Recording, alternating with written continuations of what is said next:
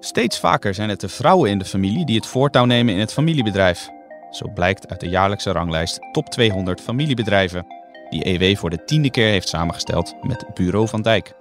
Wat betekent deze opmars van dochters? En wat valt verder op in de top 200?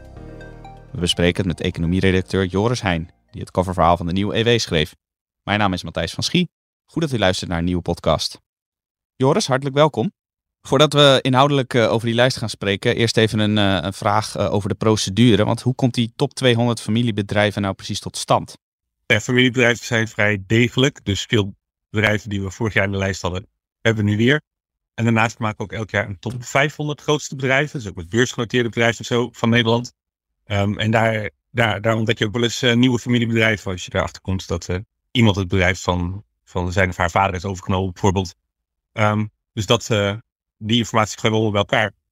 En dan uh, al die bedrijven gaan we kijken. Is het nog een familiebedrijf? Want misschien hebben ze het ook wel verkocht in de tussentijd. Dat kan natuurlijk ook. Dus uh, zo checken we dat in, uh, in een database waar we bij kunnen voor deze lijsten. Ja. Samen met het bureau van Dijk. Ja, het is een enorm tijdrovende klus, weet ik als collega. Dus daar ben je ontzettend lang mee bezig geweest. Samen met andere economie-collega's, moet ik er even bij zeggen.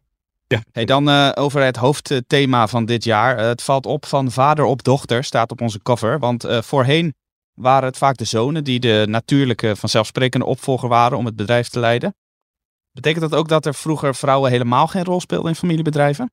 Nee, nee wat je zegt, ik bedoel, het ging van vader op zoon, ja, vrij gedachteloos. En als er geen zoon was, dan ging het bedrijf in, in het verkoop of dan, uh, dan werd er buitenstaander uh, uh, ingevlogen. Mijn dochter die deed er niet toe, om op, in ieder geval om op de directeurstoel te komen. Want een expert die ik ook sprak, die zei, ja, ze speelt natuurlijk wel vaak een hele informele rol. Hè? Ik bedoel, ze, ze hielp in de winkel, ze hielp met administratie, ze denken mee aan de keukentafel, ze houden de familie ze, ze, voeden de kinderen op uh, en alles. Dus, dus er was een, iemand noemde de, de chief emotional officer.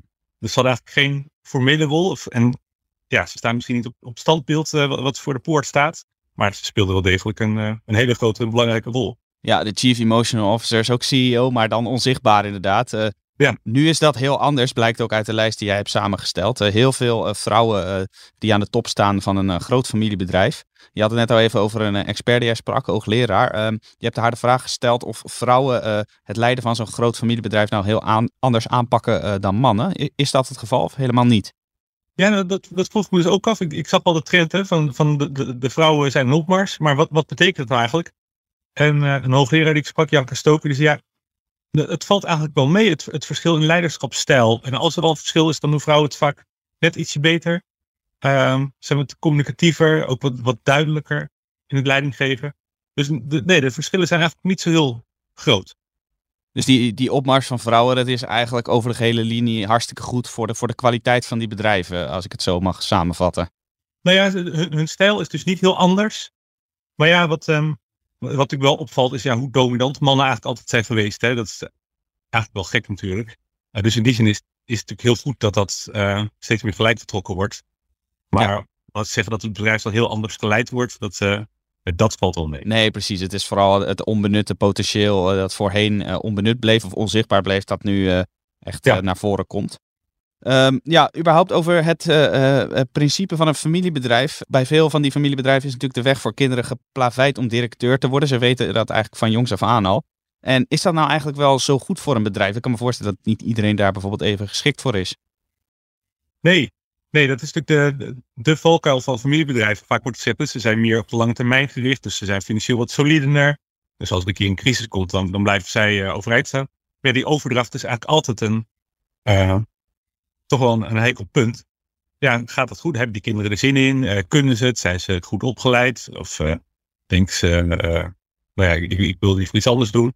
Um, dus nee, daar, daar, moet je goed op opletten. En, um, maar dat, dat wordt wel steeds professioneler aangepakt.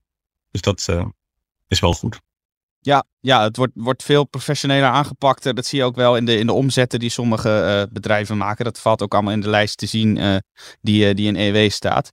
Um, er is dit jaar ook voor het eerst een nieuwe prijs uitgereikt door EW. Uh, woensdag 22 april uh, is voor het eerst de prijs voor het snelst groeiende familiebedrijf uitgereikt. Uh, jij was erbij, Joris. Vertel het maar aan de luisteraars. Welk bedrijf heeft gewonnen en waarom groeit juist dat bedrijf zo hard? Ja, nou, misschien even vertellen waarom we die prijs in het leven hebben gewonnen. Ja. Familiebedrijven hebben natuurlijk vaak het imago dat ze, wat ik net zei, heel heel degelijk zijn en een beetje saai. En ja, daardoor gaan, is het idee van als het crisis is, blijft ze beter overeind. Maar als, als het goede tijden zijn, dan, dan groeien ze ook minder hard. Terwijl als je naar die lijst kijkt, er zijn heel veel bedrijven die, die heel veel kansen pakken, eh, scherp aan de wind zeilen. En wiens omzet is ook heel hard groeit. Dus om die bedrijven ook een beetje uh, in het spotlicht te zetten, hebben we die prijs uh, in het leven geroepen. En de winnaar is uh, Bulls Rental, bekend van de, van de verhuur van machines, aanhangwagens, dat soort dingen. De oranje aanhangers. Ja, je ziet ze bij, bijna in elke stad wel van die, van die Bulls aanhangers en andere producten. Ja, dus ze zijn ook in Europa heel groot. En ze hebben een grote overname gedaan in uh, 2020, waardoor hun omzet met 80% is gegroeid in één jaar tijd. Dus ja, is bijna een verdubbeling. Ja, nou, hartstikke knap van, van Boels. Gefeliciteerd ook nogmaals via deze podcast. Um, dit bedrijf is dus ontzettend snel gegroeid, maar ik kan me ook voorstellen dat de afgelopen twee jaren ook voor veel familiebedrijven ontzettend zwaar zijn geweest. Natuurlijk een coronacrisis die nu gelukkig voorbij lijkt. Hebben de familiebedrijven in algemene zin nou veel problemen gehad? Dat verschilt heel erg per sector. Het grootste familiebedrijf in de lijst, bijvoorbeeld Heineken, die had last van, van de horecasluitingen in alle lockdowns. Uh, maar die zijn er wel redelijk overheen. En een echt, um, ja, groot, ja, slachtoffer is een groot woord, maar een bedrijf dat echt moeilijk heeft gehad is BCD, een zakenrijdsbureau, ja. opgericht door John Vetter van Vlissingen. Ja, die vertelde ook in een interview wat we in het blad hebben, dat op een gegeven moment was er nog maar 3% van de omzet over. Dat is natuurlijk Tja. Um, enorme klap. Knap dat ze nog bestaan. Wel weer. Um, maar het is wel zwaar, uh, zwaar geweest. Ja. Maar overal nu blijven ze dus goed dienst. Ze hebben goede, goede buffers. Dus um, als er een soort bedrijf tegen een stootje kan, uh, dan zijn het de familiebedrijven vaak wel. Nou, goed om te horen. Uh, we, we, houden deze lijst al uh, tien jaar bij. Uh, jij hebt ook al een aantal jaren deze lijst samen met je economiecollega's samengesteld. En dus ook flink wat verschuivingen gezien. er zitten natuurlijk ontzettend veel nuances in. Maar, maar hoe hebben in algemene zin die familiebedrijven zich nou de laatste jaren ontwikkeld? Gaat, gaat het de goede kant op? Ja, ja de, kritiek is natuurlijk. Vroeger had natuurlijk het imago dat ze. Um, ja, daar, daar, moest je niet zijn. Als je een spannende baan wilde, dan moest je naar een beursgenoteerd bedrijf. Kun je de hele wereld over. Um, ja, het imago daarvan is natuurlijk uh, wel gekanteld. Hè? Een grote multinationals liggen onder vuur. Dus wat dat betreft doen familiebedrijven het nu uh, wel wat beter in de beeldvorming. Ja, ook zij zijn bang dat, ze, um, dat de politiek ze, um, ze weer aanslaat. Hè? Dat dat anti-bedrijfsleven ook hun raakt. Hè? Door, door hogere belastingen of door het afschaffen van de bedrijfsopvolgingsregeling of het versoberen daarvan. Dus ja, op zich, eh, ze, ze doen het goed. Maar gisteren bij die uitreiking was men ook niet heel optimistisch. Ehm, Vanwege dus dat, uh, dat klimaat in de politiek ook, waar jij ook al zo vaak over hebt geschreven, dat dat wel erg gekant soms te zijn, lijkt te zijn tegen het bedrijfsleven, tegen het verdienvermogen dus ook van Nederland. Ja, en, en de, de prijs werd bijvoorbeeld uitgereikt door MKB Nederland voorzitter Jacob Vonhoff. En die zei, ja, ik denk dat, dat twee maanden oorlog in Oekraïne veel meer effect heeft dan, dan twee jaar corona. En het lijkt natuurlijk heel goed te zijn gegaan met die miljardenpakketten van de overheid om bedrijven te steunen. Maar ja, een deel daarvan is schuld. Dus bedrijven zitten met meer schuld. Uh, de inflatie loopt op. In sommige sectoren wordt dat uh, toch zwaar gevoeld door ondernemers. Dus ja, er waren, ja, er waren toch wel echt wat zorgen dat uh, de komende tijd voor sommige bedrijven, niet voor iedereen natuurlijk, toch wel zwaar gaan worden. Ja, nou, we wensen ze alle, alle succes en sterkte, ook inderdaad gezien die oorlog. Joris, laatste vraag om uh, alvast een tipje op, uh, van de sluier op te lichten. Want we gaan natuurlijk niet alle 200 uh, bedrijven af. Dat, dan zou deze podcast wat te lang duren. Maar, maar wat springt nou in het oog? Wat zijn nou opvallende zaken in deze editie van de top 200? Ja, wat, um, als je de lijst, zoals ik al een paar jaar maak, dan, dan zie je natuurlijk ook de wat langere verschuivingen.